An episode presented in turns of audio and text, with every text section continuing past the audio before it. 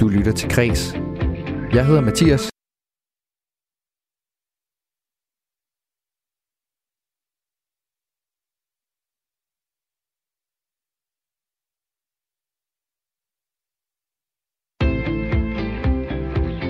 Du lytter til Kres. Jeg hedder Mathias Wissing.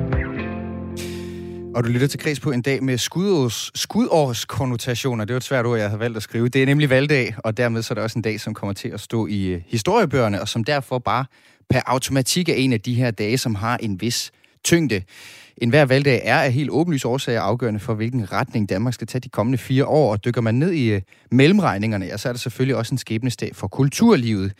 Det er nemlig øh, stemmefordelingen selvfølgelig, der i sidste ende også bestemmer, hvordan spillebrættet ser ud for den kommende kulturminister, som skal stå for at indarbejde jo den kulturpolitik, som det parlamentariske grundlag kan bakke op om. Men under valgkampen, der er jeg flere gange blevet præsenteret for en øh, besnærende tanke, og første gang jeg hørte det, ja, så lød det næsten forbudt, så blev det bakket op af lidt visketisken i krogene rundt omkring, og nu har det så fundet vej til Kulturmagasinet Kreds. Har vi overhovedet brug for et kulturministerium, og er det at have et kulturministerium overhovedet til kunstens eget bedste? Forfatter og øh, kulturdebattør Knud Romer, han er ham, som siger det højt. Faktisk vil jeg gå så vidt som at sige, at jeg synes, man skulle nedlægge Kulturministeriet. Fordi at Kulturministeriet har ingen mening. Altså 90 procent, 95 procent af midlerne er allerede bundet til at skulle finansiere alle mulige museer og pisse lort, det kan du lige så godt lægge ind under Finansministeriet. Og så lægge resten af Kulturministeriet med professionelle kunstnere ind under Erhvervsministeriet. Ja, og Knud Romer, han uddyber de her pointer senere i programmet. Du skal også høre fra en uh, buffet af tidligere kulturministre, nemlig Joy Mogensen, Bertel Hårder og Brian Mikkelsen. Og så taler med en af kulturbranchens ypperste repræsentanter. Han hedder Peter Mark Lundberg og er bestyrelsesleder i øh, Dansk Kulturliv. Ja, først så hjælper forsker Louise Ejgod mig med en status på Kulturministeriet. PT alt i alt, så er der dækket op til en øh, time i Kulturministeriets tegn. Jeg hedder Mathias Wissing. Velkommen til Kreds. Og før vi altså for alvor kan dykke ned i øh, dagens påstand, tema, vinkel om at lukke Kulturministeriet, så synes jeg, at vi skal gå stuegang i Kulturministeriet. Og til at hjælpe mig med det, så har jeg besøg af en læge med speciale på området til at undersøge patienten. Louise Ejegod, forskningsleder på Center for Kulturevaluering på Aarhus Universitet. Velkommen til. Tak skal du have. Og du er slet ikke læge i virkeligheden, men du forsker blandt andet i kulturpolitik, og så følger du øh, området tæt. Og det betyder også, at du kender til det her ry, det blakkede ry, Kulturministeriet har. Det bliver nemlig kaldt et svingdørsministerium. Øh, det er nemlig sådan, at vi har haft otte kulturministre på 14 år, og at ingen siden Brian Mikkelsen, som øh, forlod posten i 2008, har siddet der i mere end to og et halvt år siden. Louise Ejegod, har Kulturministeriet fortjent det her øgenavn for at være et svingdørsministerium? Jamen, når man kigger på statistikken, har det, og det er måske også blandt andet det, der gør, at en forfatter som Knud Romer er frustreret over, at Kulturministeriet har så lidt magt, som det har, og dermed får, øh, får ham til at foreslå, at det skal nedlægges. Jeg tror så, at kulturen vil drukne endnu mere, hvis Kulturministeriet bliver nedlagt. Vi har trods alt øh, netop en minister, der er ansvarlig for at varetage området, så længe vi har et kulturministerium. Hvor, hvor kommer det her, det her øgenavn fra, altså at det er et svingdørsministerium, og i det hele taget, at der måske ikke bliver tænkt så meget status ind i Kulturministeriet? Jamen det kommer, altså svingdør er jo så at sige bare udledt af den faktiske situation, der har været de senere år. Men det kommer sig jo af, at det er et lille ministerium. Øh, det er det økonomisk det er et relativt lille budget, Kulturministeriet har. Det er det også i den politiske debat. Det har vi også set i valgkampen, at kultur, selvom en organisation som Applaus har været ude og sige, det betyder faktisk noget for en omkring en femtedel af, en fjerdedel af vælgerne. 26 procent. 26 procent, ja. tak. Øh, at kulturpolitikken fylder noget, når man sætter kryds, så er det jo ikke det, der har fuldt, fyldt i de store politiske debatter osv. Og, og som sådan får det ikke så meget opmærksomhed, og så bliver der heller ikke flyttet så meget på kulturområdet, som der gør på nogle af de andre områder. Er det så lidt en, en ond cirkel på en eller anden måde, Kulturministeriet endt i, hvor at det virker ikke til, at folk interesserer sig meget for det, så derfor så gider politikerne heller ikke tale så meget om det, så er der heller ikke så meget at flytte rundt på, fordi det ikke kan betale sig at flytte rundt på noget. Og, hey, er, det, er, der, er der en eller anden øh, spiral her? Måske er der en spiral. Jeg tror også, man skal se det i et lidt bredere perspektiv. Altså Kulturministeriet, som vi kender det, fik vi i 61 som en del af udviklingen af velfærdsstaten. På et tidspunkt, hvor den udvikler sig, den ekspanderer, og vi får en idé om, at det at have adgang til at tage del i et kulturliv er vigtigt for borgere i samfundet. Og man kan sige, at den infrastruktur, der skal til, alt det Knud Romer kalder museerne osv., mm. altså mhm. det, der bare får drift, er ligesom udbygget i dag. Og derfor er det et område, hvor der ikke rykkes mange kommaer. Og som sådan kan man sige, jeg tror egentlig, en stor del af danskerne er tilfredse med, at vi har et kulturliv, glade for det, værdsætter det, men kan måske ikke se, hvor er det, man politisk set kan rykke særlig meget på national plan. Og det er ikke kun i Danmark, det er generelt i Europa, hvor man har haft den samme udvikling af sådan en velfærdsbaseret kulturpolitik. Hvad bliver kulturministerposten traditionelt brugt som i en regeringsdannelse? Hvem er det, der bliver placeret som kulturminister? Jamen, hvis vi ser på perioden efter Brian Mikkelsen, så er der ligesom to typer kulturministre.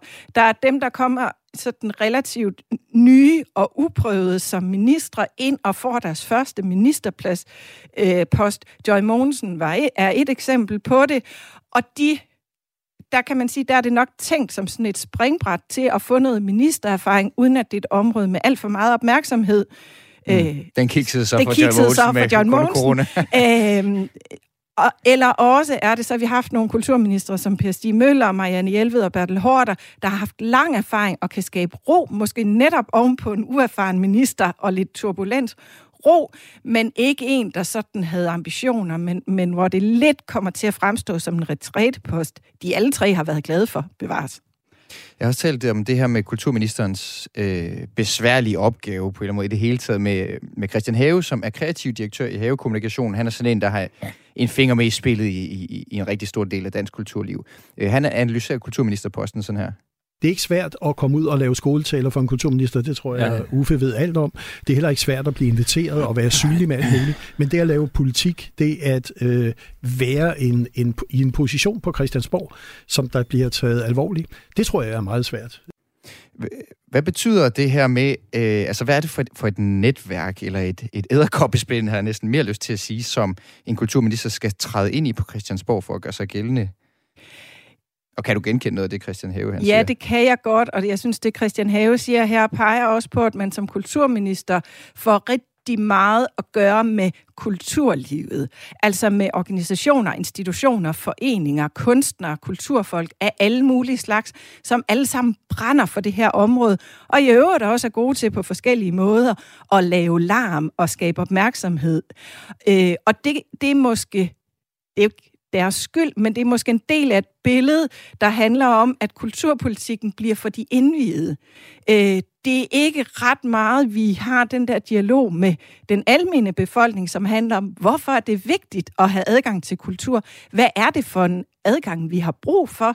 Skal den se anderledes ud, end den gjorde for 30 år siden?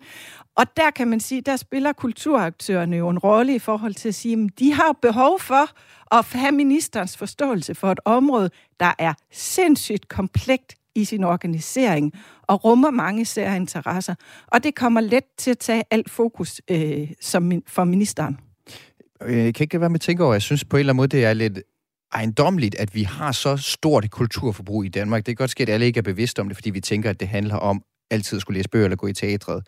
Men det er jo også at bruge foreningslivet, det er jo også at gå på biblioteket, det er jo også at gå i biografen, det er jo også at se Netflix, det er jo også noget, kulturministeren skal, skal sidde og sortere i det der. Hvorfor er det sådan, at vi har så stort generelt set et kulturforbrug, men at vi bare ikke interesserer os for kulturpolitik? Øh, øh, har du, har du kigget på det? Ikke direkte, men noget af det, jeg, vi har kigget på... Det var, kulturpolitikken var jo slet ikke på listen på den der megafon, lavede en måling, er... øh, hvor man... Det var slet ikke noget, folk de i, i udgangspunktet tog stilling til, når du selv skulle vælge, hvad der var vigtigt. Så var der så nogen, der spurgte, synes du, det er vigtigt med kulturen? Og det var så der en fjerdedel sagde, sagde jeg ikke. Ja. Men, men ja. Og, og der kan man sige, dels er der en del af kulturpolitikken, blandt andet forenings- og frivillighed, der ligger ude ved kommunerne. Det har staten ikke noget at gøre med. Men dels tror jeg også, at vi som kulturforbrugere rigtig mange bakker op om, og er enige om nogle af de sådan, øh, generelle sådan, kulturpolitiske målsætninger om, det er vigtigt at have adgang til kultur. Det er øh, berigende og øger fællesskabsfølelse og livskvalitet og sådan noget. det er der faktisk en ret stor del af danskerne, der mener, når vi har spurgt dem til deres holdning til kultur. Men, men derfra og så til at gå ned og nørde i, hvad er det lige præcis, det betyder for mig, om vi får en ny museumslov for eksempel.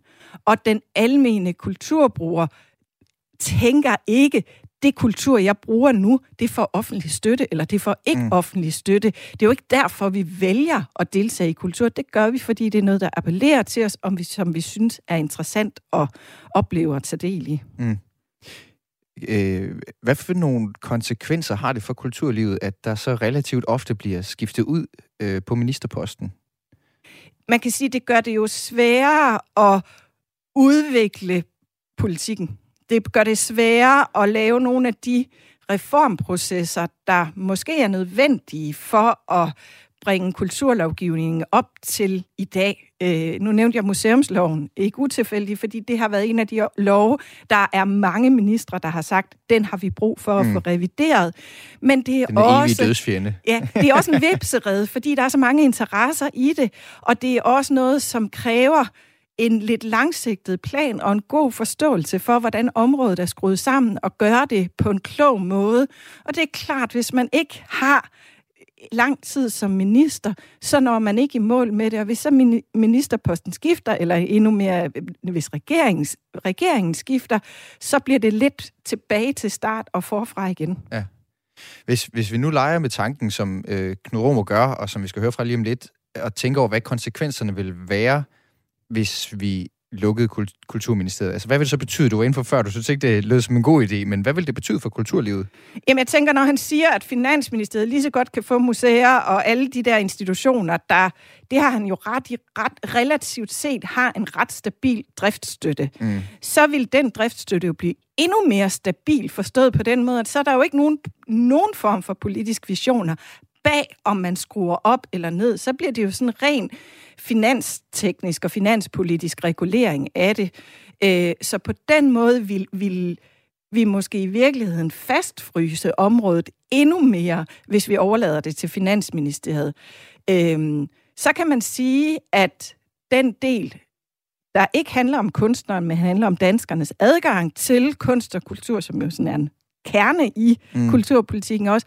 Det kan være, at den vil blive taget over af øh, børne- og undervisningsministeren og mm. taget seriøst der, mm. men der vil den nok også risikere at drukne ja. i alt det andet, ja. man også skal som børne- og ungeminister.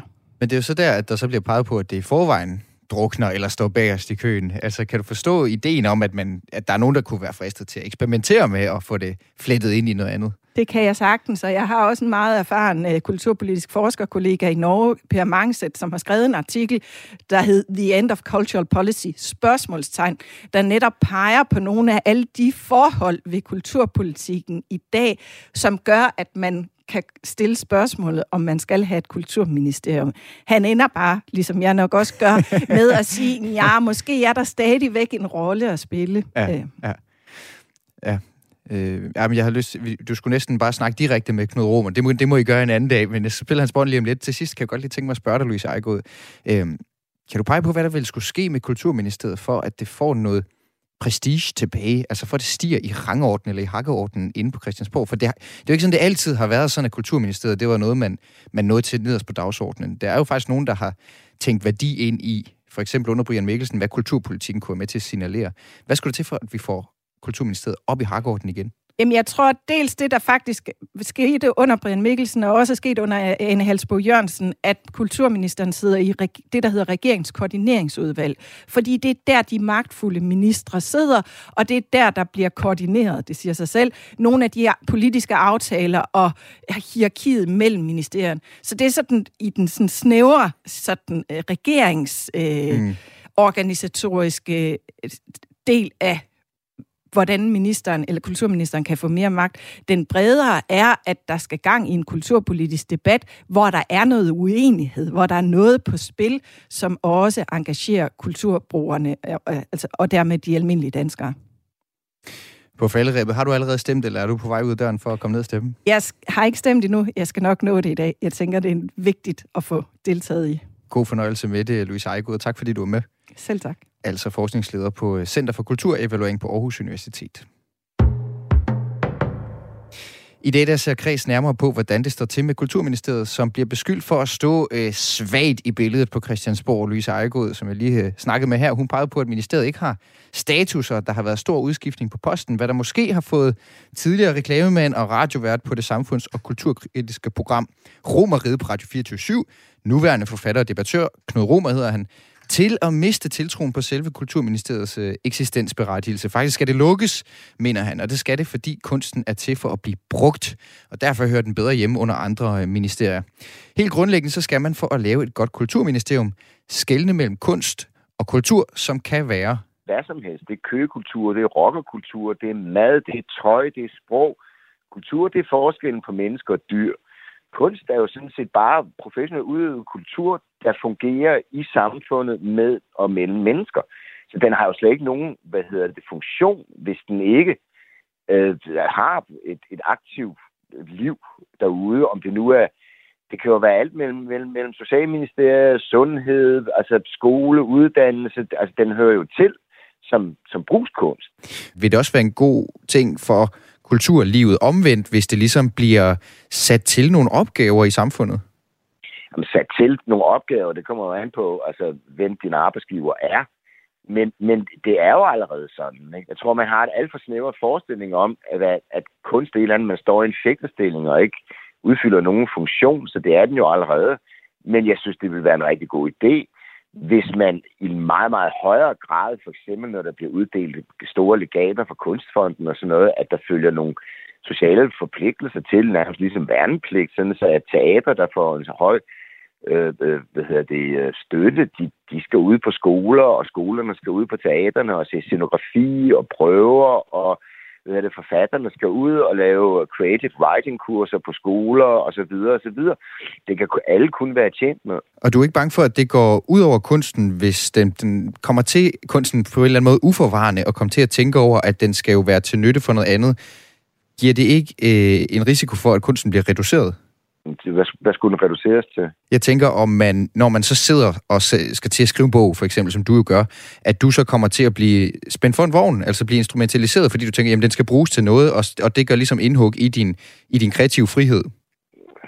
Instrumentaliseret, altså det lyder nærmest som om, at, at man skal leve fuldstændig fri for enhver forpligtelse. Selvfølgelig skal du ikke være en arbejdslejr, hvor, hvor du kan have en eller anden vilkårlig chef inde på Christiansborg, der, der sender dig land og rige rundt men jeg rejser sådan set allerede landerige rundt og befinder mig på gymnasier og læsekredse og biblioteker og alle mulige øh, hvad hedder det, kulturnat og det ene arrangement efter det andet. Det er jo det, man lever af. Du kan jo ikke i Danmark leve af royalty. Der er alt, alt for få øh, penge i det. Så, så den er jo allerede i arbejde. Men når jeg spørger dig direkte til det, så er det også fordi, at jeg jo tidligere har hørt dig i alle mulige andre sammenhænge også øh, tordne mod at alt hele tiden skal kvantificeres og kunne måles og være anvendeligt i den ene eller anden sammenhæng for at have værdi. Ja, men du må regne med, at hvis vi nu siger musik for eksempel, ikke? musik er jo ikke til for at blive brugt til noget. Ikke? Altså hvis du skal argumentere for, at, øh, at der skal være bedre musikundervisning i skolerne, så kommer man som regel hele tiden til at spille på den bane, at det skal have et udbytte at lære at spille et instrument, der lærer at synge og den slags ting. Det skal have et formål. Nu skal børnene have musik, fordi så lærer de at koncentrere sig bedre, eller nu skal de synge i kor, fordi så lærer de samarbejde og sådan noget. Det er jo ikke det, der er tanken. Tanken er, at man skal have musik for musiks egen skyld, fordi det gør os glade, det trøster os, det bringer os sammen, det giver os mulighed for at få afløb for vores følelser, det er et sprog, der artikulerer vores følelsesliv. Det er grund nok til sig selv, men det betyder jo ikke, at musikere og sanger og musikpædagoger og sådan noget ikke skal derud og rent faktisk formidle den musik til for eksempel børn og unge. De her øh, tætte bånd, som jeg hørte dig påpege, altså, hvordan stiller det Kulturministeriet så i sidste ende? Hvad, hvad, hvad, hvordan er behovet for Kulturministeriet, når det nu er sådan, som du beskriver? Jeg synes, at Kulturministeriet skulle øh, arbejde meget mere sammen med Beskæftigelsesministeriet, med Erhvervsministeriet, med med øh, uddannelsesminister, øh, øh altså med, med socialminister, altså med, med, med sundhedsminister, altså med, med, med alle de andre ministerier skulle, skulle øh, Kulturministeriet konstant være, være et samarbejde og se, hvor man kan byde ind og, og være en del af, af andre politikker. men altså, som, som kulturministeriet er nu, så det er der jo så mange ministerier, der er, men det er jo stort set bare en politisk fordeling af, af midler. Ikke? Og, og meget af det her, det vil jo kunne lægges ind under Finansministeriet, som så kan øh, give museer, midler, have, have alle mulige medieforlig og hvad nu end. Og så kan du have de professionelle kunstnere ind under Erhvervsministeriet, hvor de så måske så også rent faktisk modtager den øh, hvad det, behandling, som de rent faktisk fortjener. Fordi det er jo altid en god idé at spørge sig selv, hvad vil der ske? Sætte tingene lidt på spidsen og spørge sig selv, hvad vil der ske, hvis man lukkede det? Hvad vil, der, vil man savne det? Fordi at det, der helst skulle være til overs, som man skulle savne, det skulle man jo helst få for øje på. Og jeg har meget svært ved egentlig at se en aktiv kulturpolitik. Altså, hvis du, jeg, jeg tror, hvis du spurgte de fleste mennesker i Danmark om, hvad er kulturministerens mærkesag? Hvad er det for en aktiv kulturpolitik, hun kæmper for? Jeg tror, det er en meget passiv administration, egentlig. Ikke? Tror du, øh, øh, at nedlæggende af Kulturministeriet, hvis, hvis vi eksperimenterer og leger med tanken, ikke? tror du, det vil komme kulturlivet til gode, hvis, hvis øh, kulturen ligesom en gang for alle bliver trukket ud af stallen for at blive, blive integreret med det øvrige samfund og de øvrige ministerier? Det vil da i hvert fald være to rent flag, ikke? fordi hvis der tydeligvis ikke er nogen interesse, og der heller ikke er nogen kulturpolitik aktiv, jamen så, så vil det jo være to rent flag, så er det jo sådan set bare et finplade nu, der skal dække over, at ja, vi har noget medieforlig, vi har nogle, vi har nogle årlige, hvad hedder det, overenskomster med museerne og måltal og sådan noget. Og det er altså forfatter til bøger som øh, Kort over Paradis og Pigen og Violinen og Den, som blinker, er bange for døden. Knud Rummer. Og her på øh, Kulturmagasinet Kreds, der tog vi hans opfordring til at tale med nogle af de danskere, som han mener vil have svært ved at pege på kulturministerens mærkesag seriøst. Min kollega Morten Nørbo, han tog nemlig øh, Knud Rummers spørgsmål med på gaden. Ved du, øh, hvad kulturministerens mærkesag det er? Nej. Joy Mogensen, ikke? Jeg ved det sgu ikke. Nej. Nej, det aner jeg ikke. Jeg ved ikke. Nej, det gør jeg ikke. Hvad kunne overhovedet være en mærkesag? Det må jeg nok med det pas på. Jeg går ikke så meget op i politik. Det ved jeg ikke det ved jeg sgu ikke. Øh, flere penge til kulturinstitutioner. Ja, mere kultur i Danmark i det hele taget. Forbedret teater, forbedret alt muligt. Museer. Jamen, altså, er det, er det ikke ham, der gerne vil have, at de bruger flere penge på kulturen? Nej, Ja, det er lidt svært lige at sætte fingeren på det. Det kan jeg godt forstå. Det ville det også være for mig, hvis du bare spurgte mig på gaden ud af det blå, stak en mikrofon i snotten af mig. Men ikke desto mindre, så synes jeg, det er bemærkelsesværdigt, at selvom de fleste af os altså er flittige kulturforbrugere i et eller andet omfang, om det så er biografer, eller Netflix, eller teater, eller bibliotek, eller museer, eller spiller fodbold, eller vi læser bøger, eller ser en stor bagdyst, eller vi læser aviser, eller vi går til springgymnastik, ja, så er det alligevel øh, kunstneriske frembringelser, og altså en fremdykket kultur, vi gør brug af, og som betyder noget for os. Men når det kommer til kulturpolitik, ja, så er kendskabet altså, som vi kan høre, og som vi også hørte fra Louise Ejgaard lige før, meget mere træt.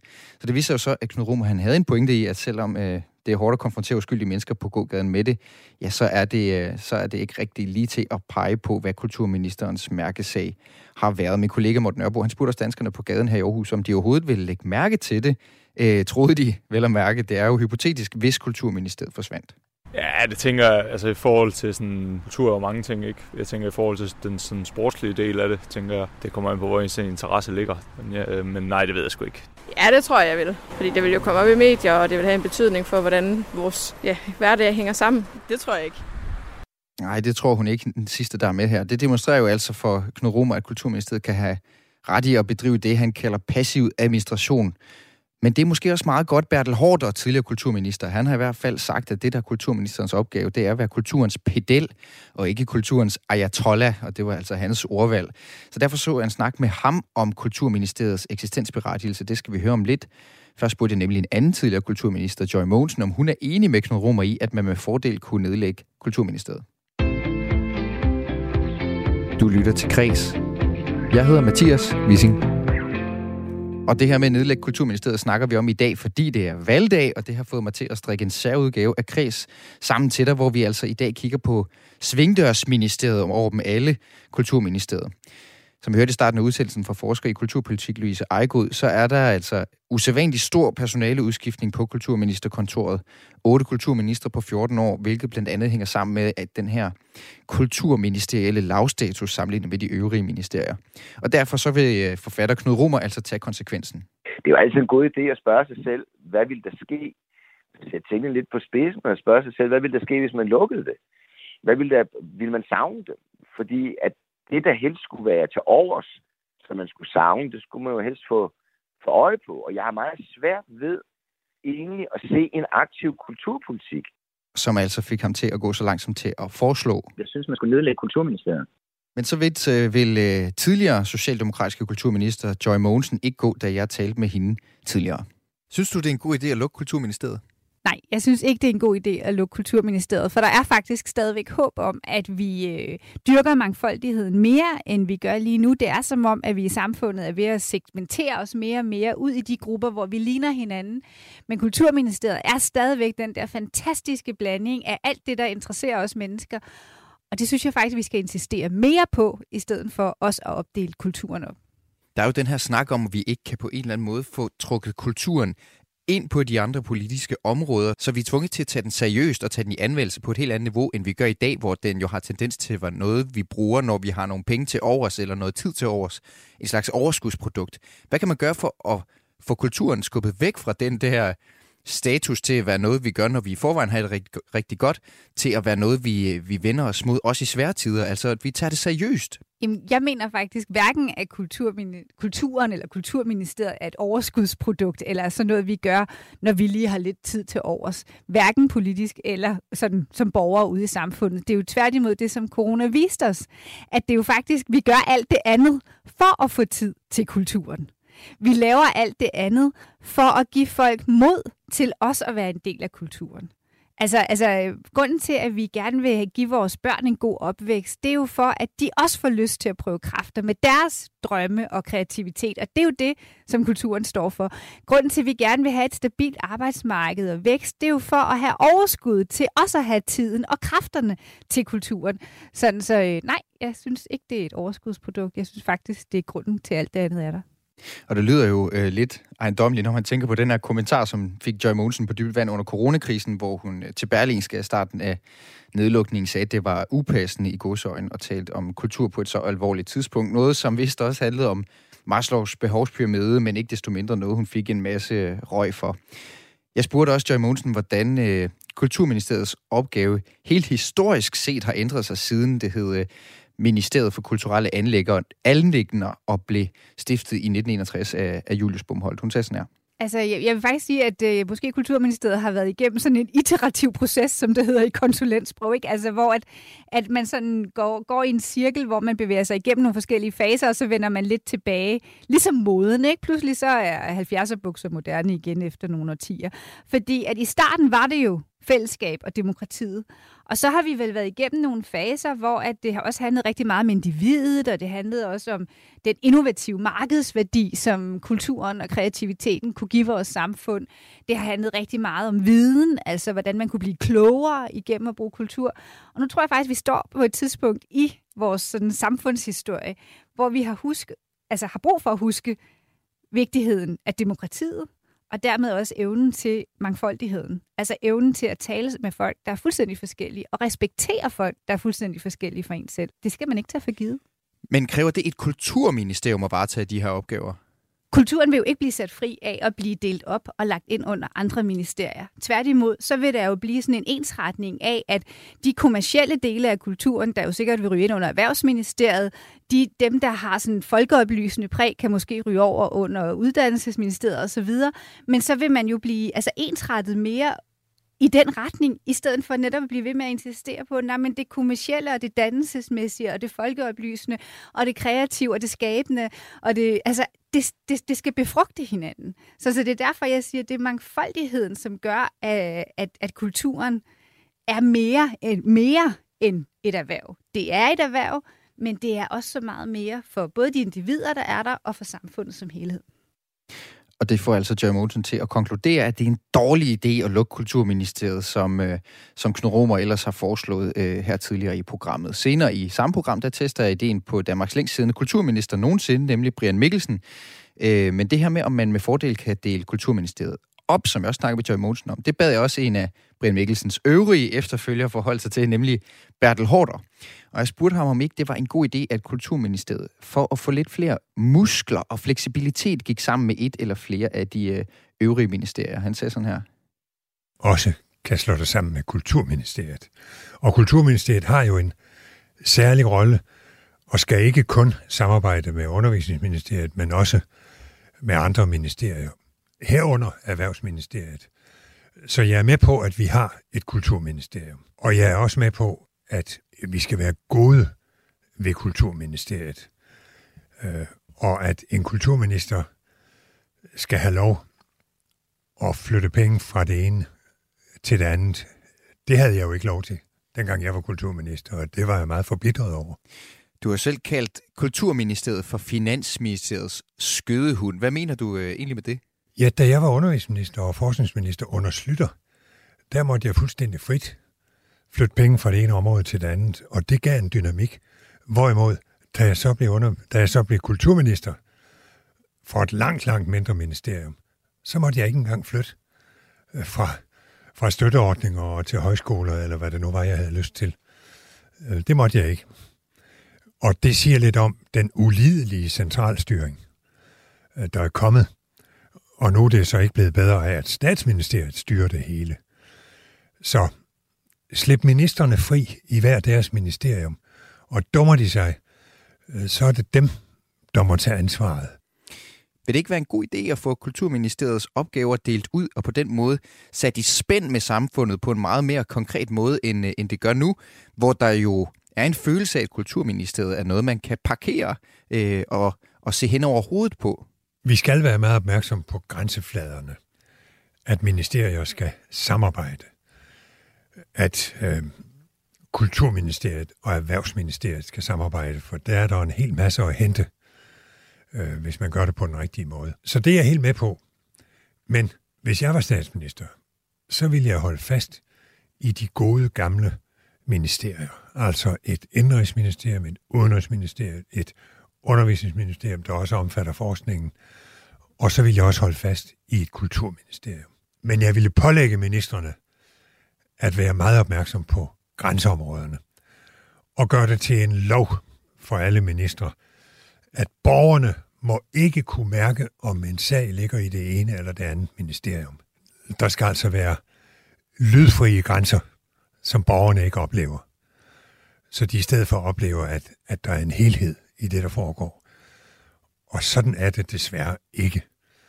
Og det bliver ikke bedre af, at man flytter rundt på tingene og udstyrer visse ministre med pyntefjer, og pludselig gør socialministeren til børneminister, og altså det der med at, at gøre ministre til minister for alt muligt, øh, fordi det er fint at have et stort ministerium.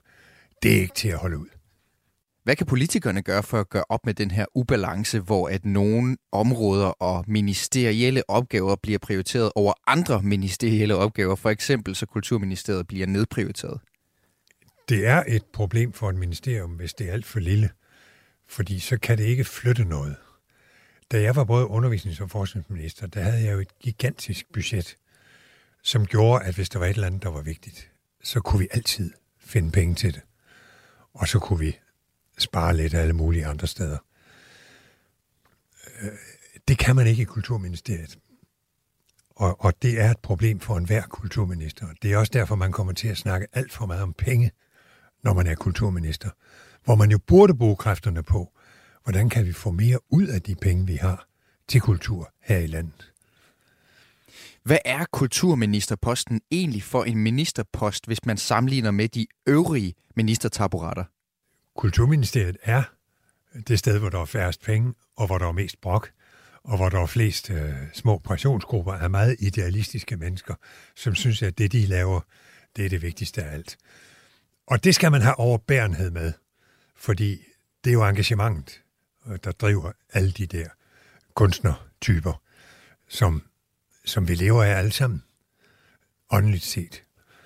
Så man skal have stor tolerance over for det.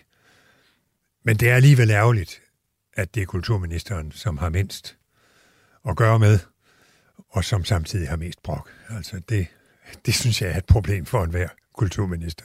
Kulturministeriet blev jo øh, grundlagt af Julius Bomholt tilbage i 1961, øh, hvor verden selv sagt var så helt anderledes ud, at der var et helt andet behov for et kulturministerium. Hvordan ser du, at behovet for et kulturministerium har ændret sig i dag i sammenligning med, hvordan det, hvad den oprindelige tanke har været med oprettelsen af et kulturministerium? Der er jo sket det, siden Bomholdt blev den første kulturminister, at alting er blevet institutionaliseret, og der er blevet offentlig støtte til stort set alt. Og så skal der selvfølgelig også være offentlig støtte til kultur, og det er så derfor, vi har et kulturministerium. Danmark er jo ikke USA eller England, hvor man har en ganske flot kultursektor, men den er i høj grad privatfinansieret. Det går jo ikke i Danmark. Det er vi for lille en kulturkreds til. Og så vil jeg jo ønske, at man kunne få meget mere nordisk samarbejde. Jeg synes, det er en skandale, at vi ikke i langt højere grad ser hinandens kulturprodukter over de nordiske grænser. Og det sagde altså tidligere kulturminister Bertel Hårder fra sin øh, kæphest her til sidst. Du lytter til Kres. Jeg hedder Mathias Wissing. Og du lytter ikke bare til Kres, du lytter til en særudgave af Kres. Det er nemlig valgdag, og det betyder, at vi skal ned og bestemme, hvem som skal sidde i Folketinget, og hvem der får lov til at sætte den kulturpolitiske dagsorden de kommende fire år. Den anledning, der tager vi her på øh, Kulturmagasinet Kreds temperaturen på Kulturministeriet og spørger lidt polemisk, om vi overhovedet har behov for et kulturministerium. Lige før hørte vi fra øh, Bertel Hårder og Joy Mogensen, som har det til fælles, de begge to kun havde relativt kort tid på Nybrogade, hvor øh, Kulturministeriet bor. Henholdsvis knap et og to år blev det faktisk kun til for de to. Og som Louise Ejgod fortalte, ja, så har Kulturministeriet haft ry for at være lidt af et svingdørsministerium med ret store konsekvenser for ministeriets samlede slagkraft. Seneste minister, som nåede for alvor at indrette sig i hjørnekontoret, det var faktisk dig, Brian Mikkelsen. Det er rigtigt administrerende direktør i Dansk Erhverv i dag, men altså også kulturminister for konservativ fra november 2001 til september 2008. Velkommen til. Tak skal du have. Øh, Brian, det gør dig til den længst siddende kulturminister nogensinde, og det gav dig, forestiller mig, en vis arbejdsro sammenlignet med både tidligere og senere kulturministre. Øh, hvordan kunne du mærke, at det kom kulturlivet til gode? Ja, efter et stykke tid, så gav det jo selvfølgelig øh, en tæt berøringsflade med de aktører, der var derude. Det gjorde også, at jeg kunne prioritere at lave en indsats også internt i regeringen, fordi jeg også selv havde en magtposition i regeringen. Altså sagen var den, at jeg selv havde valgt øh, at blive øh, kulturminister, fordi jeg selv sad med i partiets ledelse på et tidspunkt. Det vil sige, jeg selv valgte at være det, og jeg var også forberedt til at være kulturminister, da, da jeg blev det. Så derfor havde jeg en plan klar, og den havde jeg selvfølgelig en dialog med forskellige kulturaktører om, så, så ligesom på kulturlivets præmisser, og det betød så, at jeg kunne gennemføre de ting, som, som jeg havde planlagt. Hvad fik dig til at, at pege på, på posten som kulturminister? Fordi i dag øh, er den ikke så højt i hakkeorden, har vi snakket om øh, øh tidligere her i udsendelsen. Hvad fik dig til at pege på lige præcis den post, som en du var interesseret i? Nej, det er jo netop drømmen har man ærgerligt, som I også lige har snakket med, med, med Bertel om også, at det er så lavt placeret. Øh, fordi jeg synes faktisk, det er en af de vigtigste øh, ministerposter, der er det er jo det, der definerer som danskere. Vi lever i en gigant turbulent tid i øjeblikket med sikkerhedskriser, energikriser og usikkerhed for fremtiden. Og der er den rod og det fundament, vi har med vores kulturpolitik, og det at være dansk jo, jo afgørende. Også til giganterne fremvarer, som bestemmer rigtig meget. Så derfor synes jeg, dengang, og også i dag, at det er en ekstremt vigtig post øh, i en regering, at man har en kulturminister, som værner om dansk kultur, men også udbreder muligheden for, at flere får adgang til den kultur. Er der nogle øh, kulturpolitiske mærkesager, som, som demonstrerer betydningen af den her arbejdsro, du havde ved at sidde i så lang øh, sammenhængende stræk i Kulturministeriet? Ja, det er alle jo nævner, når de taler om mig som kulturminister, selvfølgelig kulturkanonen. Ikke? Øh, og det var en lang sej proces, hvor jeg var nedsat en masse udvalg, som skulle arbejde med det, og, og fordi der også var støj omkring den, så er det klart, fordi jeg sad der så lang tid, havde så meget power i regeringen, så kunne jeg jo gennemføre det. Og, og det betød, at vi fik en kæmpe god diskussion om kulturpolitik. Et opgør med den værdirelativisme, der var, altså noget øh, ikke skulle være bedre end andet. Og det, det var kulturkanalen jo et udtryk for, at noget var bedre end andet. At der var nogle litterære værker, som var bedre end andre. At der var noget musik, der var bedre end andet osv. Og der fik vi en, en rigtig god diskussion om dansk kultur øh, på den måde. Gratis adgang til museerne, som jeg også fik sørget for, var jo også noget, som mange i eller sin borgerlige lejr ville være imod. Ikke? Mm. Øh, men, men, men det fik jeg gennemført, for jeg synes, det var vigtigt, at man fik den frie og nemme adgang til, til vores største kulturinstitutioner. Og det, det hænger måske sammen med det, du sagde med tidligere her, at du sad med i, øh, i partiets ledelse, og du også sad, som Louise Eigo fortæller os tidligere, med i uh, regeringens koordineringsudvalg på tidspunktet. Hvilken betydning havde det i praksis? Kan du prøve sådan at tage det hele ned på jorden og sige i praksis, hvad det betød for dig at sidde med ved, ved den her slags forhandlingsbord? Det betyder, at i, i, i er sådan en regering i dag, så er der både økonomiudvalg og et koordinationsudvalg. I økonomiudvalget sidder der som rent fire ministre, der bestemmer man alt med økonomi, og koordinationsudvalget alt med politik. For det er klart, at alle, der er jo 19-20 minister, afhængig af, hvilken regering det er, vil jo altid gerne gennemføre deres egne sager. Men man er jo del af et team, et hold, og der er jo nogen, der må prioritere det. Det gør man så i, først i det økonomiudvalg med økonomi, og bagefter et koordinationsudvalg med det politiske. Og der sad jeg, fordi jeg sad i, i ledelsen med i begge de udvalg, og det havde en kulturminister jo aldrig gjort før, og heller ikke siden. Og det gjorde, jeg selv var med til at prioritere både midler og politik. Og det vil sige, at hvis jeg for eksempel synes, at der skulle være gratis adgang til øh, museerne, øh, så havde jeg større mulighed for at få det gennemført. Jeg kunne ikke selv bestemme det, men jeg havde større mulighed for at få det gennemført, fordi jeg selv var den, der var med til at træffe beslutningen. Så det havde stor betydning.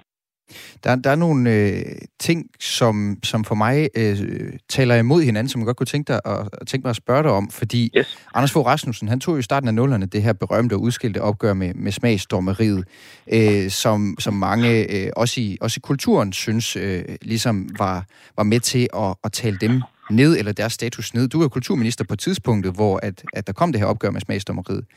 Øh, var du med til at underminere på en eller anden måde kulturlivets stemme, og, og, og så i sidste ende måske faktisk også reducere kulturministeriets slagkraft på Christiansborg, eller hvordan ser det ud for din stol?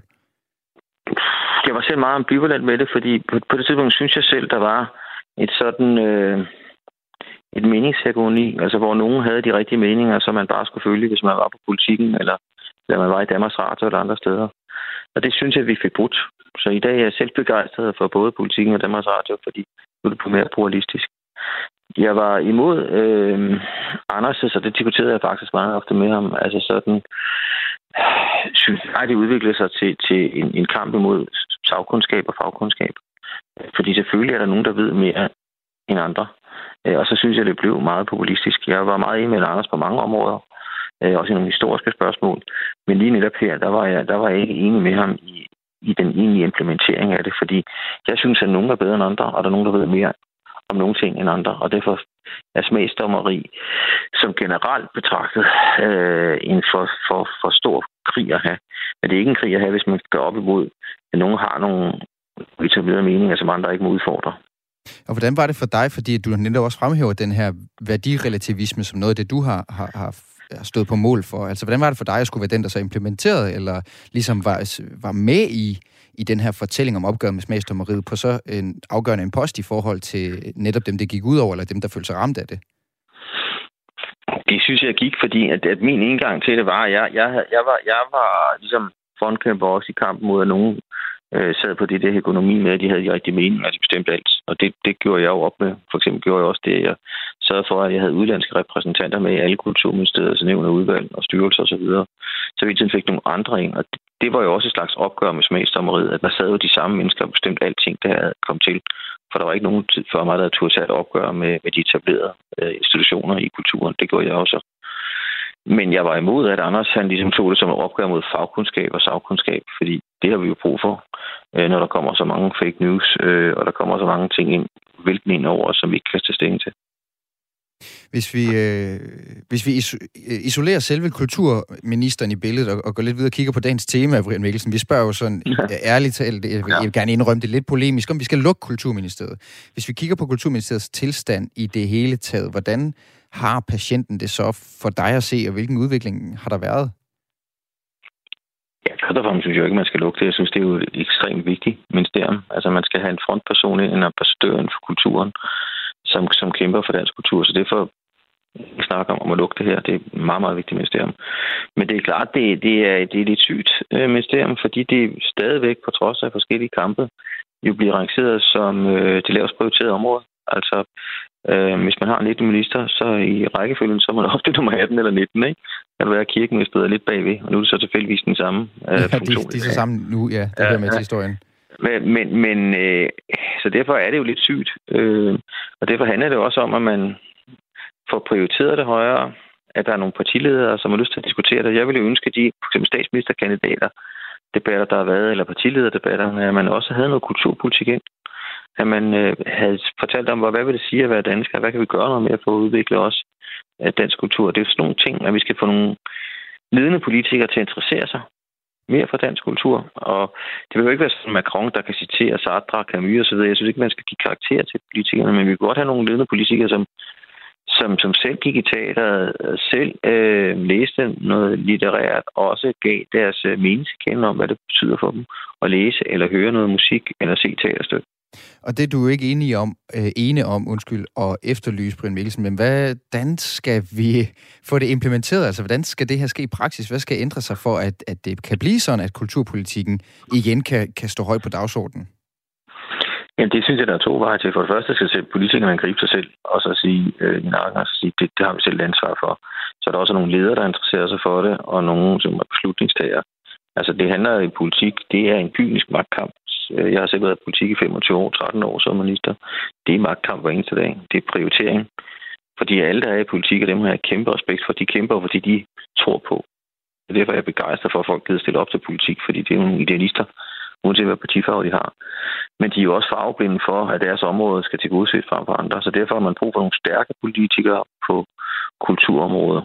Det er jo, det er jo partierne, der må vælge det. Det andet er jo også samfundet. Altså, at man øh, ligesom løfter det op. At når der er en statsministerkandidat debat mellem tre, debat, øh, mellem tre øh, statsministerkandidater, så er det da også relevant at spørge dem, hvad de synes om dansk kulturpolitik. Fordi de kommer til at stå i spidsen en af de tre nu kan det så være en fjerde, der kommer øh, i spidsen for Danmark.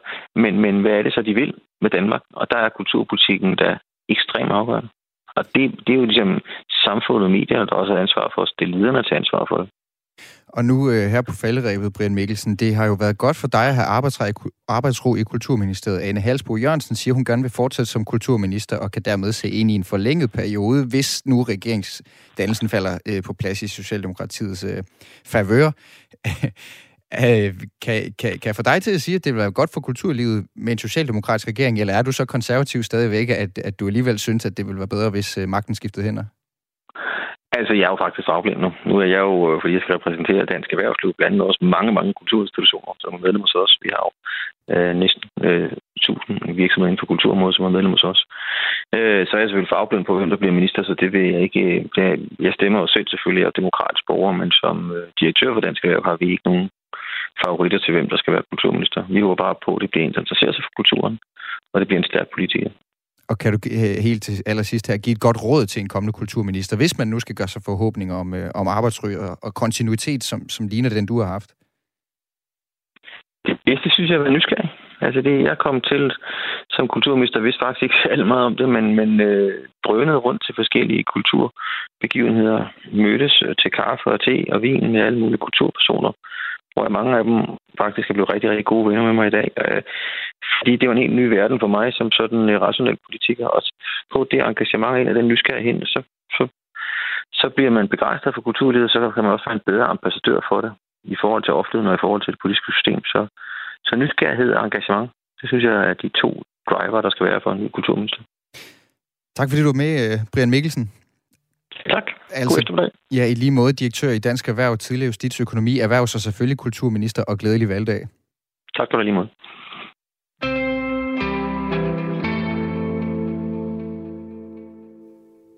Ja, og en ting er, hvad politikerne siger, en anden ting er, hvad kunstnerne siger, en tredje ting er, hvad danskerne siger, øh, men i virkeligheden så handler det her jo om, hvad kulturlivet siger, for det er i sidste ende dem, som Kulturministeriet har til opgave at sørge for, også selvom kunstnerne de kan være svære at stille tilfredse. Bertel Hårder, han sagde jo, at, at det var det sværeste ministerium med de færreste penge at være minister for. Til at tale ind i dagens tema om, hvorvidt Kulturministeriet det skal nedlægges, så har jeg nu selve talsmanden for dansk kulturliv. Det er endda navnet på den interesseorganisation, som du er bestyrelsesleder i, Peter Mark Lundberg. Velkommen til. Mange tak. Og du er samtidig direktør for brancheorganisationen Dansk Teater, og så har du så sent som i fredags faktisk langet lidt ud efter kulturministeren, som du beskylder for at nøle lidt med hjælp under energikrisen, hvilket har to konsekvenser for kulturlivet. At færre har råd til at gå til koncerter i teatre, og at regningerne de stikker af for kulturhusene rundt omkring i landet. Helt lavpraktisk, så var der jo et møde, øh, som I skulle have haft med kulturminister Anne Halsbo Jørgensen, som blev aflyst på grund af valget. Øh, lad mig spørge dig direkte, Peter Mark Lundberg. Er det bedre, at du har en person, som er kulturminister, som du kan skælde ud på, som så bliver en slags syndebuk, når hun eller han alligevel ikke rigtig har noget at flytte rundt på, og alligevel skal spørge om lov i for eksempel Finansministeriet, eller Peter Mark Lundberg, vil du hellere bare banke på den dør, hvor du ved, pengene gemmer sig? Ha, det er et godt spørgsmål. Der er ingen tvivl om, at det for os er det allervigtigste, at vi har en stærk kulturminister. En kulturminister, som tør at sætte dagsordner, som tør at slå i bordet i regeringslokaler. Nu har vi lige haft øh, tre kulturminister igennem, som jo alle sammen øh, har brændt for deres område på hver deres måde. Og øh, ja, det er rigtigt, vi har kritiseret øh, Ane øh, Halsbo for at øh, nøle midt i en øh, alvorlig krise. Men vi er da øh, så glade for, at vi har en kulturminister at tage fat i, som øh, øh, forhåbentlig tør at slå igennem i regeringslokalerne. Det kunne vi ikke undvære. Og du er bestyrelsesleder for Dansk Kulturliv, som er den her alliance mellem øh, ja, øh, op mod øh, altså mere end 1000 kulturinstitutioners sag, som du taler over for, blandt andet selvfølgelig politikerne på Christiansborg. Lavpraktisk, øh, Peter Mark Lundberg, hvad betyder det for dig øh, som formand, og for jer som, øh, eller bestyrelsesleder, undskyld, og for jer som brancheorganisation, at der findes et kulturministerium? Jamen, det er da så vigtigt. Altså, vi kan da ikke undvære et kulturminister, i, øh, i kulturministerium i et demokratisk samfund. Altså, for os, der, hvis vi lige, en ting er, hvad det betyder for os som, som branche, så er det jo vigtigt, at vi har en, en indgang, men jeg tror, for os som samfund betyder det også noget for vores selvrespekt i et demokratisk samfund, at have et stærkt kulturministerium, øh, som ligesom er med til at øh, cementere, at kulturen har en stor betydning for samfundet. Altså i alle robuste samfund, der er kulturen en af de bærende søjler. Altså ikke mindst, når det handler om at værne om kritisk tænkning og ytringsfrihed, at det er at turde sige magthaver imod.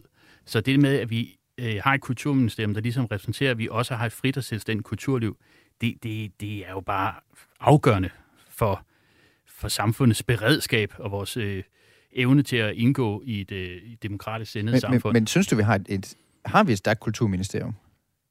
Hmm. Jeg vil ønske mig, at vi havde et meget stærkere kulturministerium. Jeg vil ønske mig, at vi havde en regering og en statsminister, der turde at tale kulturlivet op. Jeg tror også, det, nu var Brian Mikkelsen lige igennem og sagde, at han, han ærger sig over, at man ikke øh, havde flere politikere, der turde være stolte af, at vi har et stærkt dansk kulturliv. Altså det, at, øh, altså, øh, nu sagde Brian, at der var ikke så mange, der brugte det. Den opfattelse deler jeg ikke. Jeg opfatter, øh, jeg opfatter faktisk sådan, at alle vores øh, folketingspolitikere, øh, de har en meget øh, høj brug af kulturlivet. Vi ser dem rigtig ofte i teateret, vi ser dem mm. øh, rigtig ofte til koncerter, til fodboldkampe og øh, håndboldkampe. Men jeg oplever, at de er mere tilbøjelige til at være stolte af at gå til en fodboldkamp eller en håndboldkamp, end, altså i hvert fald på de sociale medier, end de mm. er ved at skulle lægge op, at de er inde og se en fantastisk forestilling på Nørrebro Teater, som mm. vores statsminister for eksempel var i, i ugen inden valgudskrivelsen. Der lørdag var hun i teatersalen, og, og søndag var hun på fodboldstadion. Søndag kom der en selfie op, og lørdag aften gjorde der ikke. Og det ærger mig lidt. Så jeg, jeg tror i virkeligheden, at, at øh, Kulturministeriet kunne være meget stærkere, hvis øh, kulturministerens kollegaer i Folketinget turde stå ved, at de har et højt øh, kulturforbrug og stolte af at bruge det. Er, de, er, de, er det fordi, de er bange for at, at være elitære og verdensfjerne, fordi at det forestiller de sig, at danskerne synes, hvis de bliver set i teatret? Ja, det er da helt sikker på. Og det er rigtig synd, fordi vi ved jo, at øh, danskerne øh, er det øh, folkefærd i Danmark, eller folkefærd i Europa, der har det allerhøjeste kulturforbrug. Så der er jo ikke et modsætningsforhold i at gå øh, til en fodboldkamp eller til en håndboldkamp, eller gå i teateret, eller ind og høre en øh, fed koncert på Roskilde Festival. Altså, så jeg tror, at politikerne de laver en fejlslutning, når, øh, når de antager, at man øh, ikke kan være stolte af begge dele. Øh, det, øh, jeg tror, at målinger viser, at øh, er det 92 eller 95 procent af alle danskere, der har et aktivt øh, forbrug af kultur. Så det kan de roligt være stolte af. Men jeg tror, de har en forestilling om, at det er noget elitært. Men, øh, men sådan oplever vi det ikke ude i den, i den virkelige verden. Når, når jeg nu som øh, kulturjournalist øh, sidder og holder øje med, øh, med kulturministerens Instagram, for eksempel, og jeg ser, mm. at hun lægger ja, nogle... vi alle sammen med stor interesse. en stor nyhedskanal for os, der ikke altid lige får hul igennem hele vejen op til. Øh, så synes jeg, det ser ud som om, hun holder en masse gode møder med aktørerne, og hun er meget lydhør, og det ene og det andet. Men øh, Peter Mark Lundberg, føler I også, at der også bliver rykket i noget? Altså, en ting er at, at dukke op til møderne, som hun så ikke har gjort, fordi der er valgkamp, det bla, bla, bla, den, den isolerer vi lige ikke. Mm-hmm. Er det nok bare at holde møder med magten, eller føler du også, at der rent faktisk bliver rykket på noget? Altså, er der, bliver der lyttet, når I banker i bordet helt kort til sidst her? Den øh, socialdemokratiske regering har øh, samlet set haft øh, en rigtig flot øh, kulturpolitisk regeringsperiode, øh, særligt da Joy Mogensen øh, var kulturminister, hvor der rent faktisk blev lavet nogle store investeringer i kulturlivet. Som jeg er sikker på, øh, på grund af, under coronakrisen. Ja, faktisk ikke også. Ik, ikke så meget, øh, ikke så meget øh, vores brancheforening. Vi, vi oplevede en, der blev lyttet og gjort noget. Det kom lidt sent, men det kom. Jeg er sikker på, at hvis Ane Halsbro fortsætter som kulturminister, så har hun samme øh, mulighed og chance for også at styrke øh, dansk kulturliv. Det, det, det er jeg helt sikker på. Hun har i hvert fald evnen til at øh, lade sig begejstre for kulturlivet. Så hvis den begejstring øh, kan flytte med ind i resten, af, i resten af regeringsapparatet, så kan det også være, at det fører til nogle øh, nye investeringer, som gør, at langt flere danskere kan deltage langt mere i det kulturliv, vi elsker. I hvert fald også, og, lytter til det her program. Og det sagde Peter Mark Lundberg, direktør i øh, Dansk Teaterbestyrelsesleder i Dansk Kulturliv. Øh, god valgdag til dig, Peter Mark Lundberg. Mange tak. Og tak, fordi du var med. Vi er øh, ved vejs inde på øh, Kreds, øh, hvor vi nåede hele vejen rundt i det her polemiske forslag om at lukke Kulturministeriet. Kreds er tilbage i morgen klokken 2